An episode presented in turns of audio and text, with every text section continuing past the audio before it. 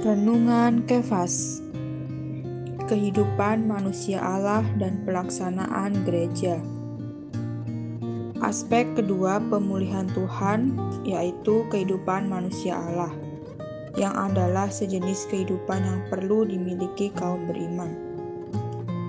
Orang duniawi menekankan moral dan etika dan kehidupan agama. Namun, tidak ada yang Allah inginkan. Apa yang Allah inginkan adalah kehidupan manusia Allah, yang adalah Allah dan manusia hidup bersama-sama.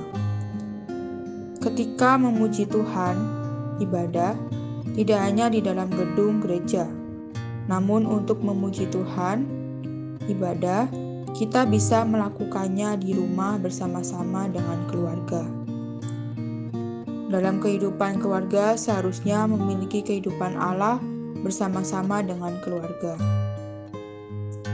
Aspek ketiga pemulihan Tuhan, yaitu pelaksanaan gereja. Pertama-tama, gereja sebagai tubuh Kristus yang universal adalah rumah Allah yang universal dan juga adalah kerajaan Allah. Tiga hal ini, tubuh Kristus, rumah Allah, dan kerajaan Allah adalah satu. Tubuh Kristus adalah rumah Allah, dan rumah Allah adalah kerajaan Allah. Pemulihan Tuhan adalah Allah menjadi daging. Daging menjadi roh pemberi hayat, dan roh pemberi hayat menjadi roh yang diperkuat tujuh ganda untuk membangun gereja yang menjadi tubuh Kristus dan yang rampung menjadi Yerusalem baru.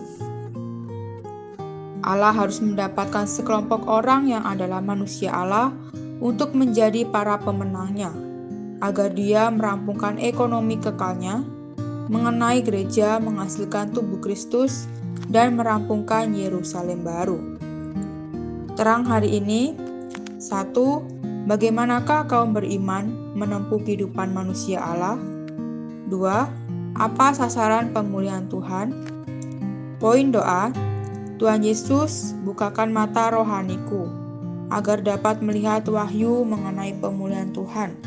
Tuhan pimpin langkahku supaya bisa menempuh hidup gereja yang tepat menjadi manusia Allah yang bertumbuh.